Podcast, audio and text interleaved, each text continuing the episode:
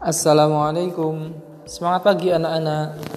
Kali ini kita akan mempelajari biografi singkat Sunan Kalijaga. Untuk Madrasah Ibtidaiyah kelas 6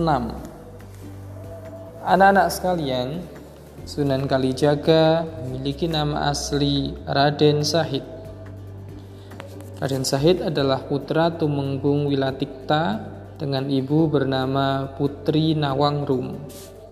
Kakek beliau bernama Arya Teja atau Abdurrahman, seorang keturunan Arab yang bersambung silsilahnya dengan Sayyidina Abbas bin Abdul Muthalib, paman Rasulullah Shallallahu Alaihi Wasallam. Raden Sahid adalah keturunan bangsawan. Meski begitu, ia lebih suka bergaul dengan rakyat jelata Ketika melihat para pejabat yang melakukan korupsi, Raden Syahid tidak tinggal diam. Ia melakukan tindakan dengan mengambil paksa sebagian harta para pejabat korup itu untuk diberikan kepada rakyat jelata. Hingga satu hari, ayahnya mengetahui tindakan Raden Syahid ini. Ayahnya marah besar dan mengusir Raden Sehat dari rumah. Akhirnya, Raden Sahid tinggal di sebuah hutan bernama Hutan Jatisari. Oleh penduduk sekitar, ia kemudian mendapat julukan sebagai Loka Jaya.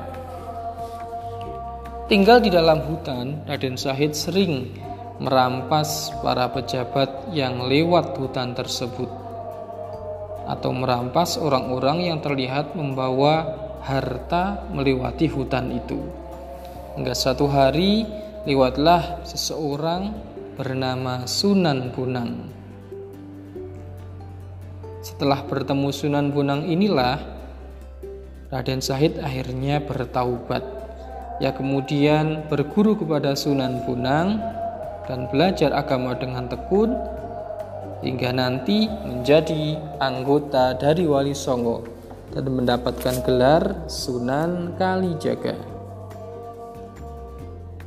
Mengapa Raden Said mendapatkan gelar Sunan Kalijaga?